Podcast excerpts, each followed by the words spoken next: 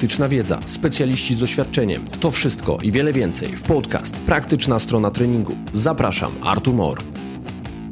Cześć, witam serdecznie w kolejnym odcinku podcastu Praktyczna strona treningu, a ze mną przed drugim mikrofonem pracownik AWF Wrocławskiego, dokładniej Zakładu Motoryczności Człowieka, specjalista w zakresie treningu kondycyjnego, badacz, no można powiedzieć badacz nad wydolnością i diagnostyką, szkoleniowiec praktycznej strony treningu, panie i panowie, ze mną przed drugim mikrofonem, dr Kamil Michalik. Cześć Kamilu.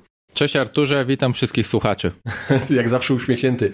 E, Kamilu, a jak ja, jak zawsze samolubny i chciałbym, żeby motywem naszego dzisiejszego spotkania, odcinka, był trening interwałowy i sobie tak w ramowo zepnijmy to w pojęcie High Intensity Interval Training, czyli ten sławny hit, swojego czasu bardzo spopularyzowany. Myślę, że gdzieś wiele teorii, podejść związanych z tym treningiem w obiegowych opiniach krąży, ale jak to zawsze z tymi obiegowymi opiniami, jest tutaj e, tyle samo prawdy, tyle samo e, luk wiedzy, które zapychane są domysłami i chciałbym, żebyś ty dzisiaj jako specjalista, osoba, której niezmiernie ufam w tym zakresie, trochę rzucił światła na tą tematykę. Gotowy? Pewnie. Dziękuję bardzo za zaufanie. Zaczynamy. W poprzednim podcaście o VO2 Max właściwie ruszyliśmy ten temat.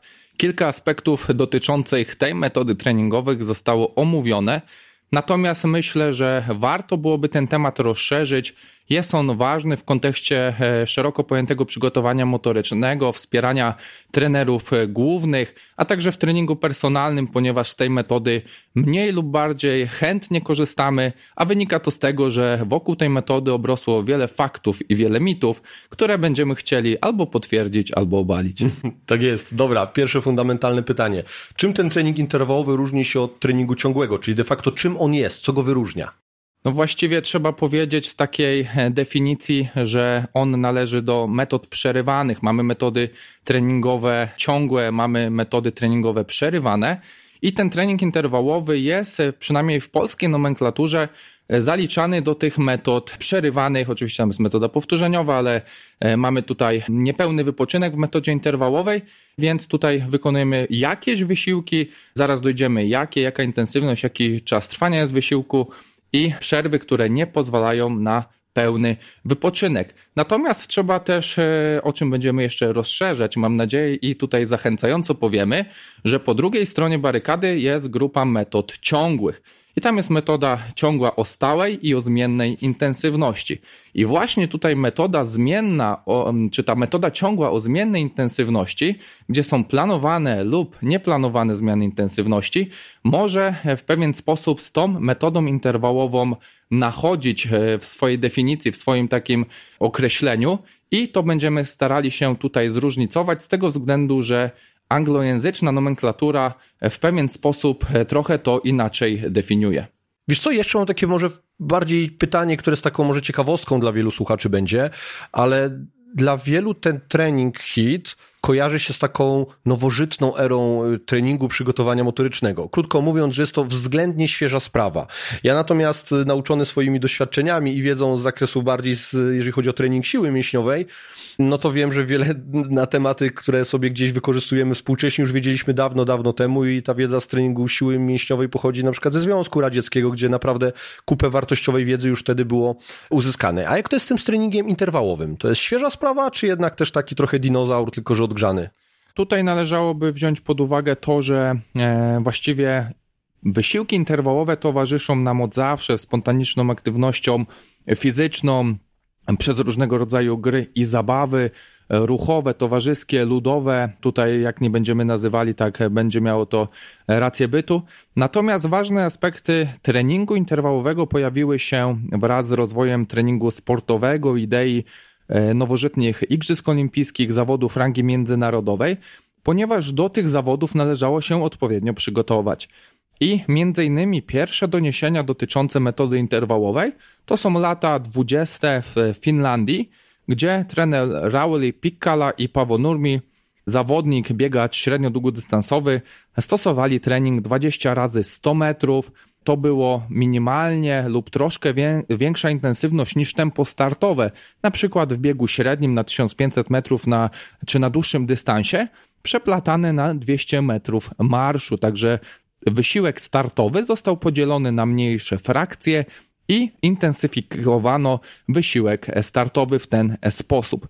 Dalsze doniesienia to są lata 30., między innymi metoda fartleku pochodząca ze Szwecji, i był to wysiłek ciągły o zmiennej intensywności, biegany na przykład w terenie, gdzie wobec ukształtowania terenu i tego, co nas otacza, próbowano dostosowywać intensywność, czas trwania, ale było to spontaniczne, na przykład do drzewa szybciej, gdzieś do krzewu wolniej, pod górkę szybciej, z górki wolniej czy odwrotniej. Także gdzieś to już na metodę interwałową również e, się e, nachodziło. I idąc dalej, lata 30 dzisiejsze Niemcy, Woldemar Gerschler, właściwie jest, można znaleźć informacje w internecie, że to jest prekursor i taki autor metody interwałowej. I kardiolog Herbert Reindel zaproponowali trening, w którym wykonywano wysiłki w których e, częstość skurczów serca miała przekraczać wartość 180, natomiast w przerwie miała spadać do wartości poniżej 120. Także tu już się pojawiły pierwsze takie zakusy indywidualizacji podejścia treningowego w tej metodzie, bo ktoś wypoczywał krócej, ktoś dłużej i e, w ten sposób już to regulowano. Natomiast Dalsze doniesienia to są lata 40., 50., ówczesna Czechosłowacja, m.in. Emil Zatopek, biegacz średnio długodystansowy, który swoje wysiłki też dzielił na mniejsze frakcje, biegał szybciej, biegał wolniej i swoich przeciwników po prostu zamęczał tym zmiennym, szarpanym tempem. Natomiast e, ważne doniesienie to jest m.in. lata 50. Sir Roger Bannister, który w 54 roku jako pierwszy złamał 4 minuty na milę, czyli na 1609 metrów mila lądowa.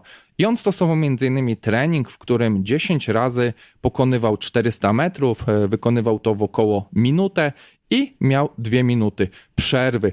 Tego typu trening Roger Bannister wykonywał, pomogło mu to złamać pierwszemu w historii 4 minuty na mile. No może każdy spróbować sobie 1609 metrów przebiec, zobaczyć w jakim dystansie e, wam to zajmie.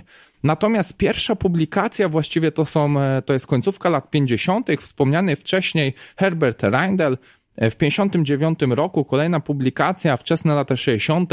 pojawiły się takie pierwsze doniesienie w niemieckim żurnalu dotyczące charakterystyki i opisu tej metody interwałowej. Natomiast stricte badania naukowe to są lata 60., a większy rozpęd lata 70., w których m.in. Fox oraz Zaltin testowali różnego rodzaju protokoły interwałowe. No i m.in. Zaltin stwierdził, że e, maksymalna wydolność tlenowa mierzona takim parametrem, który doskonale znamy, VO2 max, poprawiła się po treningu o 20%, zaś Fox stwierdził, że poprawa VO2 max jest związana ze zwiększeniem objętości wyrzutowej serca i tętniczo-żylnej różnicy wysycenia krwi tlenem, czyli dwóch ważnych determinantów właśnie maksymalnego poboru tlenu. I rozwój diagnostyki, możliwości badawczych, między innymi wykonywania biopsji, spowodował to, że coraz częściej badano tę metodę i próbowano doszukiwać się, na jakie aspekty adaptacji organizmu działa. No zaś lata 90. między innymi warto to wspomnieć, e, Katarina Mayer e, zrobiła e, w zespole badanie, w których pokazała, że trening interwałowy jest dobrze tolerowany, ale i dodatkowo jest lepszym stymulantem dla pacjentów kardiologicznych. To jest w wielu przeglądach utożsamiane jako przełomowe badanie, również właśnie nie tylko dla osób zdrowych, ale do pacjentów kardiologicznych, w których w różnych rekomendacjach mogą tego typu wysiłki również stosować. Kawał historii przedstawiłeś. Kamilu, czy my posługujemy się jakąś standaryzacją w obrębie nazewnictwa pewnych protokołów, pewnych podejść, co przez to rozumiem? No mamy tego HITA, wiem, że w literaturze pojawia się również SIT, to to rozmawialiśmy przed nagraniem, mamy te interwały, ale mamy też pojęcie intermittent tego treningu. No mamy te protokoły takie bardziej może współczesne, czyli protokół doktora Izumi Tabaty, tak, ta Tabata, gdzie mamy 20 sekund maksymalnego wysiłku, 10 sekund przerwy. No i właśnie, teraz ta przerwa w ramach tych protokołów, czy ona jest taką przerwą wypoczynkową, czy jest jednak aktywna, czyli tutaj coś się dzieje i teraz jak te protokoły są podzielone, jak świat nauki na to patrzy, które są najchętniej stosowane? Z biegiem czasu właściwie metodę interwałową nazywano jako High Intensity Training albo e, rozwinięto to jako e, High Intensity Interval Training i to skupiało w sobie właściwie taki zbiór wszystkich e, takich podgrup wysiłków interwałowych. Natomiast oczywiście badacze zaczęli to różnicować i taki jeden z najbardziej popularnych podziałów dotyczy tego, że mamy na przykład na osi intensywności sprinterski trening interwałowy, dalej mamy e, repeat speed training, czyli trening powtarzanych sprintów, następnie mamy high intensity interval training, który podzielony jest na long intervals i short intervals i na to możemy jeszcze nałożyć między innymi małe gry, które w tym obszarze intensywności we wszystkich tych zbiorach się klasyfikuje, z tego względu, że małe gry mają dużą mnogość manipulacji w zależności od działań techniczno-taktycznych, czasu wysiłku, czy też liczby graczy na określonym polu. Jest to adresowane do gier zespołowych. Natomiast oczywiście e, możemy sobie tutaj to nazewnictwo odpowiednio rozwinąć i wskazać, jakie w obrębie tych podgrup występują wysiłki, czasy przerw, żeby tutaj tą charakterystykę bardziej szczegółowo podać. Dobra, to mamy taki ogólny zarys tego, ale scharakteryzuj proszę, żeby było coś więcej na temat tych poszczególnych protokołów podejść. Sprinterski trening interwałowy to są e, wysiłki trwające 10 do 30 sekund. Ważna jest tutaj intensywność jako maksymalna, to jest all out, czyli w każdym wysiłku próbujemy dać siebie jak najwięcej. No najczęściej jest to 4 do 6 powtórzeń, przerwa powyżej 2 minut, często jest to 4-4,5 minuty. Idąc dalej, mamy ten trening powtarzanych sprintów. Są to wysiłki do 10 sekund, również wykonywane z maksymalną intensywnością, czyli all out, i przerwa tutaj najczęściej jest między 15 a 60 sekund. Idąc dalej, mamy ten trening e, long hit, czyli e, mamy wysiłki trwające 3 do 5 minut. Intensywność jest tutaj związana między innymi intensywność 90 do około 100% maximal aerobic speed albo maximal aerobic power, w zależności również od testu, w jakim to będzie determinowane, czy to będzie test progresywny, czy to będzie test w terenie, czy pojedynczy wysiłek, na przykład 5-minutowy.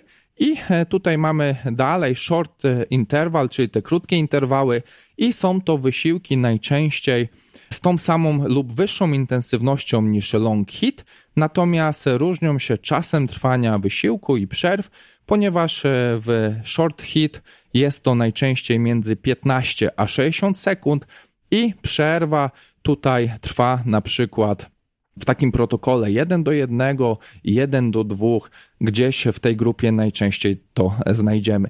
Natomiast warto też sobie podać e, inne, czy może inne, może troszkę bardziej szczegółowe podziały, w którym między innymi Wen podał, że na, na tej bazie wspomnianej mamy między innymi objętość sesji, czyli na przykład 5 minut e, wysiłków, mamy wysiłki 5 do 15 oraz powyżej 15 minut. Dodatkowo sklasyfikował objętość w obszarze jednej sesji treningowej i wskazał jeszcze czas e, trwania interwencji w tej grupie do 4 tygodni, okres 4 do 12 tygodni i powyżej 12 tygodni, także on tutaj oprócz klasyfikacji tych protokołów względem czas trwania wysiłku, czas trwania przerwy oraz ich intensywności, wskazał jeszcze tą objętość i czas trwania interwencji. A wracając do tego pytania i rozróżnienia pojęciowego intermittent i interval, E, no właśnie tutaj jest ta różnica względem metody interwałowej i zmiennej e, z polskiej nomenklatury, ponieważ e, słowo intermittent wskazuje innymi na definicję treningu tabaty, w których wykonujemy te maksymalne wysiłki, o których wspomniałeś i jest przerwa bierna, czyli jest taki punkt A, B, start, stop, ale jest przerwa bierna. Natomiast w tej nomenklaturze właśnie anglojęzycznej Trening interwałowy wskazuje na wysiłki, w których wykonujemy coś o większej i coś o mniejszej intensywności, więc to wskazuje już na to, że te przerwy są aktywne. Natomiast tutaj nie ma właściwie takiej pojęciowej zgodności, ponieważ właściwie wiele protokołów, które mają czy bierną, czy aktywną przerwę, wrzucane są do zbioru e, metody interwałowej.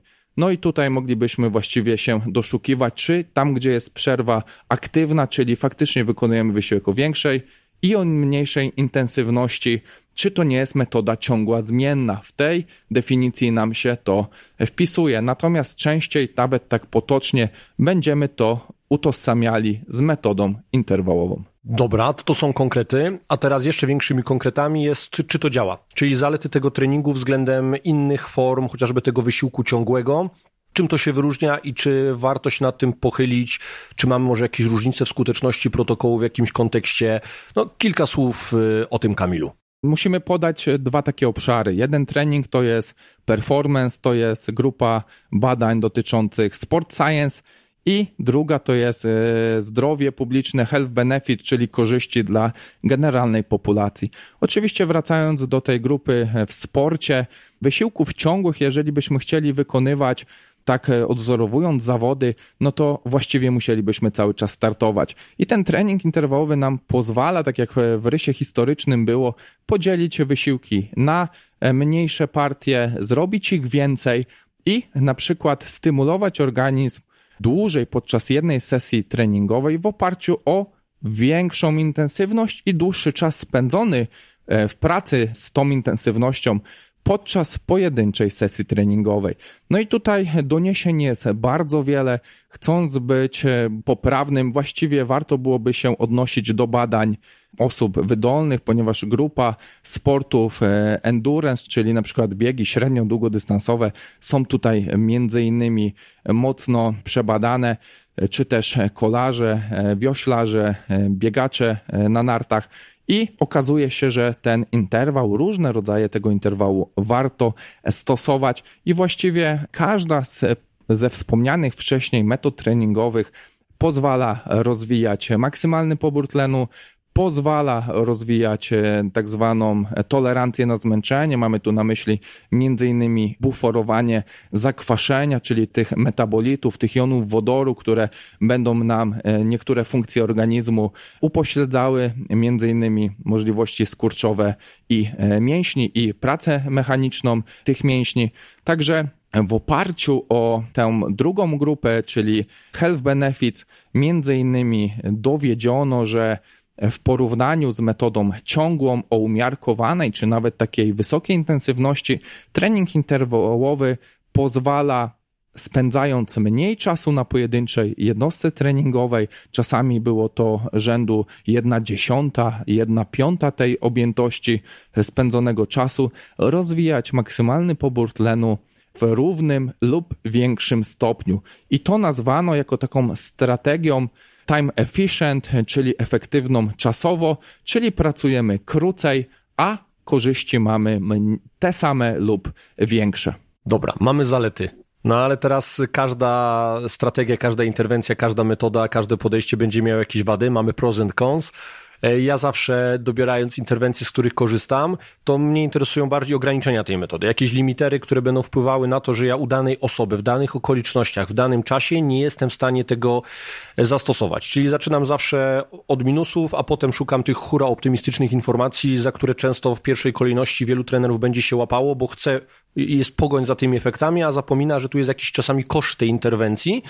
No i jak to wygląda w przypadku tego treningu high intensity interval training, jak sobie nazywamy na potrzeb tego dzisiejszego odcinka? Świetne pytanie, Arturze, z tego względu, że to jest związane z tym, e, z czym wiele osób e, utożsamia trening interwałowy i boi się tego treningu, boi się skutków, może nie samego treningu, ale tego, co będzie po wysiłku, tych negatywnych odczuć, albo ma na ten temat wyrobioną opinię ze względu na jeden jakiś protokół, który, który wywołał niekorzystne efekty podczas sesji, albo takie pewne dolegliwości, na przykład e, wymioty, ból głowy i tak dalej, ale do tego dojdziemy. Należy zacząć od sprawy kluczowej, że istnieje ogromna mnogość manipulacji w tym treningu interwałowym. Wspominając różne te podziały, oczywiście to nie zamyka tematu, to tylko nam w pewien sposób klasyfikuje grupę wysiłków e, i tutaj podgrupę metod.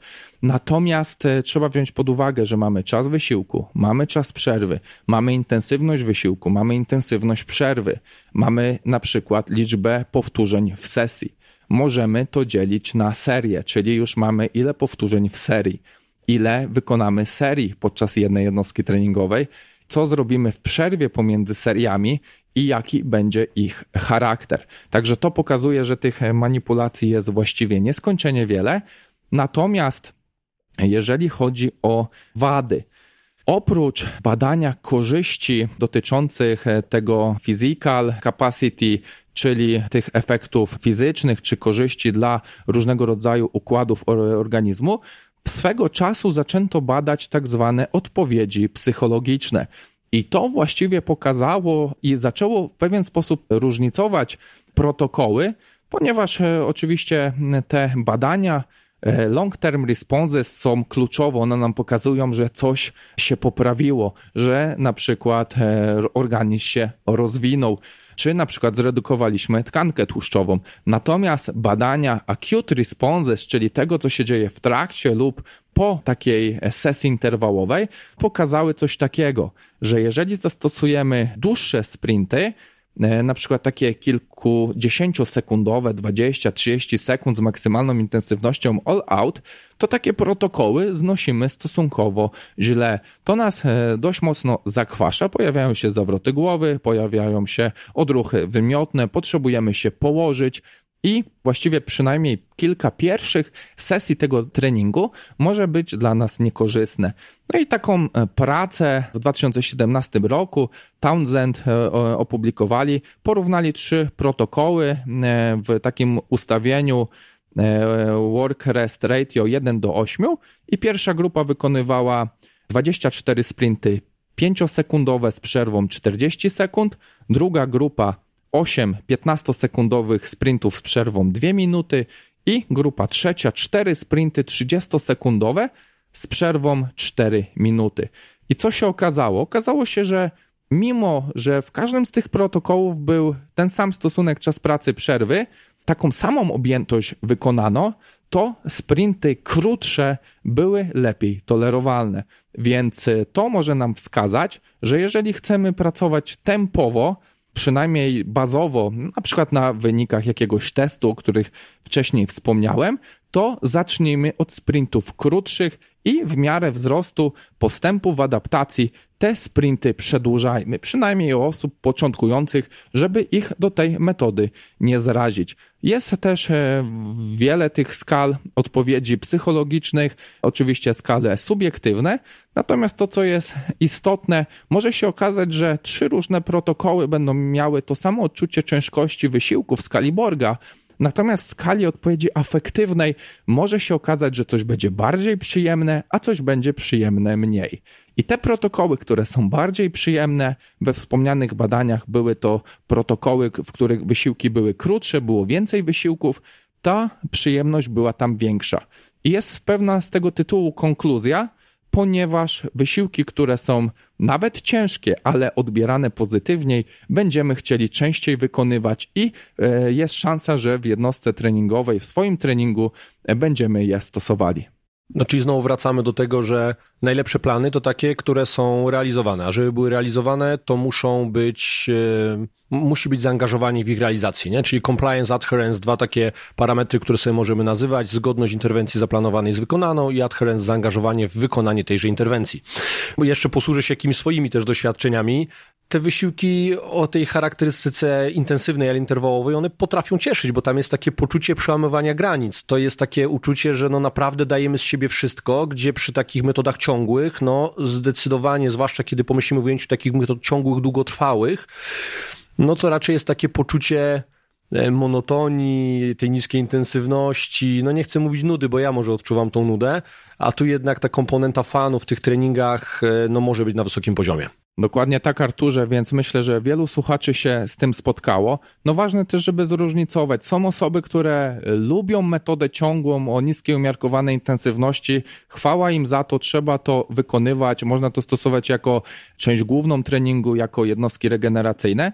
Natomiast jeżeli chodzi o to podejście do treningu interwałowego, są osoby, które lubią wysiłki tempowe, czyli jest tam jakaś stricte określona intensywność, wykonują tego kilka, kilkanaście, a może kilkadziesiąt razy też są z tego tytułu zadowoleni, a inna grupa osób lubi taki ostry wysiłek o maksymalnej intensywności, w którym sprawdzi, jaką prędkość osiągnęła, jakie waty na różnego rodzaju urządzeniach, czy jaki czas przebiegnięcia na przykład odcinka 150 czy też 200 metrów. I to, co mogę podpowiedzieć w takim planowaniu treningu, może jeszcze o tym programowaniu powiemy, ale żeby przełamać te negatywne aspekty psychologiczne, to jest to, że bardzo dużo osób pozytywnie reaguje na to, jeżeli skracamy czas wysiłku w kolejnych interwałach albo dystans. Są na to konkretne dowody naukowe, między innymi Mekel z Instytutu e, Wingate w Izraelu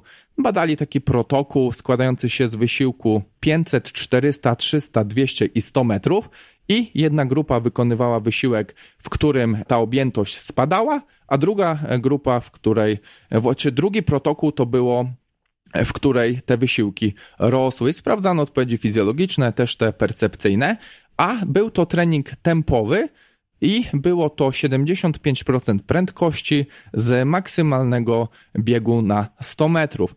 Także każdy może sobie przeliczyć, jakie musiałby e, osiągać czasy w poszczególnych wysiłkach. I przerwy tutaj były 3, 5, 7 i 9 minut. W jednej grupie się wydłużały wraz z rozwojem dystansu, w tej grupie, gdzie się skracały, te przerwy również malały. Co się okazało? Równa e, objętość treningowa, e, założenia równe tempo, okazało się, że grupa, która obniżała swoje dystanse, czyli od 500 do 100 metrów, miała wyższe odpowiedzi fizjologiczne, między innymi tutaj wyższą częstość skurczów serca w trakcie, ale w odczuciach psychologicznych miała mniejsze odczucie ciężkości wysiłku. I ta grupa badaczy rozwinęła też e, te badania, ale już zrezygnowano z wysiłku 500 e, metrów, właściwie było między 400 a 100 i okazało się, że tutaj w tej grupie, która obniżała objętość, trening powodował większe stężenie mleczanu i powodował większe stężenie hormonów wzrostu, czyli te odpowiedzi anaboliczne. A w trzecim badaniu sprawdzili efekty treningowe kilkutygodniowego treningu i okazało się, że przynajmniej w takich wartościach bezwzględnej różnicy maksymalny pobór tlenu w większym stopniu rozwinęła ta grupa, która silniej zaburzyła homostazę organizmu i wywołała większe zmiany czynności organizmu, czyli ta grupa, która e, stosowała wysiłki o skracającej objętości. Także to jest taka informacja, że możemy zastosować na przykład w treningu 20, 15, 10 sekund w takiej piramidzie, w skocznej piramidzie, w która nam pozwoli oszukać w pewien sposób e, psychologię naszych podopiecznych. Okej, okay. ja teraz tak nasunęło mi się takie pytanie. Gdzie z Twoich doświadczeń, albo może nie tylko doświadczeń, tylko po prostu może gdzie ogólnie przyjętą praktyką jest y, to, że chętniej korzystamy z tych treningów interwałowych, czyli gdzie one są najchętniej wykorzystane, w jakich dyscyplinach, albo może gdzie one mają największą wartość z uwagi na tą specyfikę y, dyscypliny? No tutaj właściwie e, największymi odbiorcami to są e, sporty endurance, natomiast oczywiście na przykład e, sprinterzy E, lekkoatleci również tego typu treningi interwałowe, tempowe wykonują o stricte założonej, czy też o maksymalnej intensywności. I będzie to dotyczyło tych dyscyplin, w których trzeba wykonywać maksymalny wysiłek założenia stymulacji organizmu względem metabolizmu tlenowego, beztlenowego, tam gdzie jest rywalizacja, tam gdzie są wysiłki o zmiennej intensywności, między innymi gry zespołowe, sporty walki, w tych wszystkich dyscyplinach te bariery trzeba pokonywać, więc e, tutaj wiele metod e, tych wspomnianych wcześniej, wchodzących w skład metody interwałowej, znajdzie swoje odzwierciedlenie w sporcie, tam gdzie właśnie nad tą kondycją musimy popracować. Dobra, to teraz jak już wchodzimy w jakieś dyscypliny i o nich wspominamy coraz częściej, to trening interwałowy możemy realizować poprzez wykon specyficzny dla danej dyscypliny, czyli no, jeżeli biegamy, no to interwały biegowe robimy, ale też samą formą jakichś interwałów, trochę takich może chaotycznych, będą sztuki walki, a właśnie sporty walki lepiej powiedzieć, gdzie będą też czasy pracy, czasy przerwy, one po części będą dyktowane przez pewne ramy czasowe, rundy, przerwa, ale w pewien sposób też jak się rozgrywa sam pojedynek. No i teraz Wiadomo, że największe przełożenie będzie w sytuacji, w której no, mamy biegacza i on biega te interwały też w formie biegu. No ale co z tymi zawodnikami sztuk walki? Nie? Oni mają jakąś tam sparingi, to jest jedna forma realizacji interwałów, no ale też mogą wykorzystać na przykład airbike'a, czy jakieś wiosło, czy coś zupełnie niespecyficznego dla ich dyscypliny. I jakie będą zalety i wady tego podejścia? No pierwsza rzecz, która mi się nasuwa, no to jest po prostu ekonomizacja szeroko rozumiana w kontekście specyfiki. Nie? No czyli jakby nawet jeżeli te parametry byśmy sobie wyciągnęli, powiedzmy takie VO2 max sobie tylko oceniali, no to podejrzewam, że zarówno sparingami, jak i takim ergometrem wieślarskim czy airbike'iem jesteśmy w stanie sobie ten parametr skutecznie podbić w jakiejś formie interwałów. Natomiast próżno zakładać, że jeżeli będę specjalistą nawet na wiośle i osiągał świetne wyniki w kontekście i tego VO2 max i generowanych watów, e, no to nie znaczy, że będę dobrym maratończykiem, nie? Czyli te parametry takie pojedyncze będą wysoko, ale zbiorcze, jak sobie popatrzymy, to nie przerzuci się na tą zdolność e, lepszego performowania w danej dyscyplinie. Co jeszcze byś do tego dorzucił? Myślę, że tutaj patrząc na trening sportowy, warto to w takiej strukturze czasowej umiejscowić. Oczywiście im bliżej startu zawodów będziemy starali się pracować kondycyjnie w sposób jak najbardziej specjalistyczny. I ta specjalistyka środków e, treningowych odnosi się do stosowanych czynności ruchowych już w takim reżimie czas pracy, wypoczynek, udział przeciwnika, i musi być ta zgodność ruchowa i zgodność energetyczna, żeby ten środek specjalny był. Natomiast e, oczywiście będzie to na przykład w takim e, podejściu do realizacji sparingów, symulowanych startów, właśnie metoda interwałowa, ale jeżeli, jeżeli chcemy skorzystać e, z pewnych zamienników, no to właśnie tutaj dobrym czasem na to jest między innymi off-season, a także okres przygotowawczy, ta wczesna faza, gdzie możemy stosować bardziej ogólne środki właśnie w oparciu o pracę wielostawową na różnego rodzaju ergometrach i próbować tam ten e, organizm wkręcać na maksymalne obroty, czy to w rozumieniu krótszych wysiłków, angażując silnie metabolizm beztlenowy, czy przedłużając te wysiłki do kilku minut, gdzie również e, metabolizm tlenowy, ale również metabolizm beztlenowy będą maksymalnie zaangażowane. No i w ten sposób będzie to takie bardziej ogólne, może później troszkę bardziej ukierunkowane, jeżeli pojawi się pewna zgodność ze środkami treningowymi realizowanymi w sposób specjalistyczny, przygotowanie do tego, co nas będzie czekało w ramach specjalistycznych wymagań. No i teraz e, tak naprawdę aż się prosi, e, żeby poruszyć kwestię już tego stricte programowania.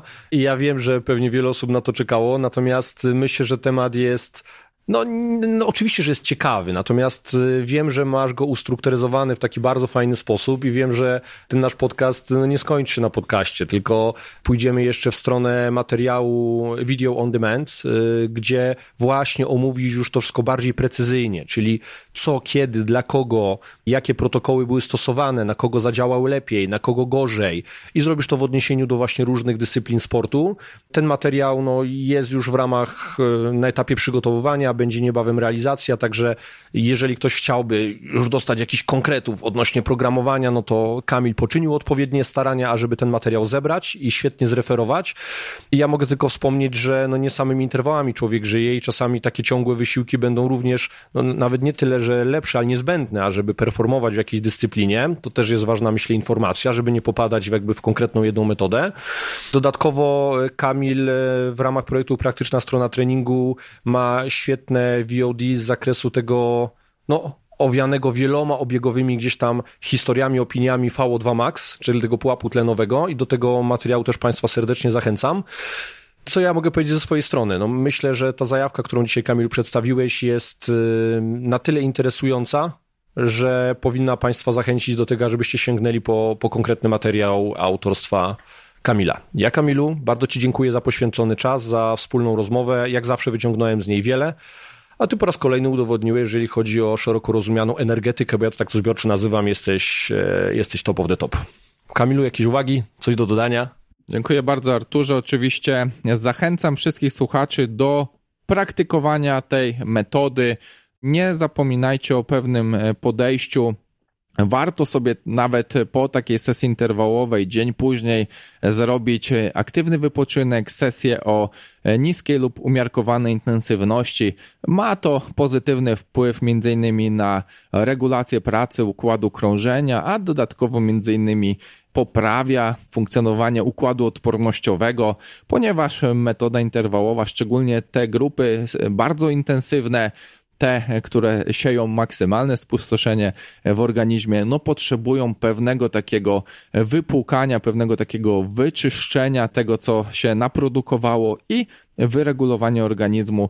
No i oczywiście to w treningu się stosuje. Tutaj zajawkowo wspomnę polaryzacja treningu, metody szokowe w takich różnych periodyzacjach, gdzie, gdzie chcemy wiele jednostek treningowych, na przykład w dwa tygodnie upakować. Jest to podejście dla sportów endurance, między innymi stosowane dla tych zawodników e, top światowego, dla których jedna czy dwie sesje treningowe w tygodniu mogą być za mało. Oczywiście odniesiemy się też do generalnej populacji, ponieważ jest to coś ważnego dla pracy między innymi trenerów personalnych, te rekomendacje nie sposób w pojedynczym podcaście omówić, ale w tym materiale, o którym wspomniał Artur, postaram się i postaramy się tutaj jako zespół odpowiedzieć na pytania, jak pracować w sporcie i jak pracować e, w, dla generalnej populacji, z generalną populacją, żeby efekty w oparciu o tę metodę były jak największe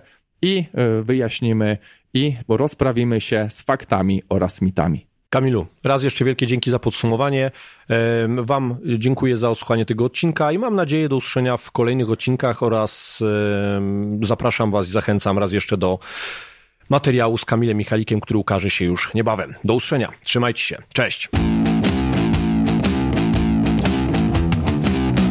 Odsłuchałeś odcinek podcastu Praktyczna strona treningu.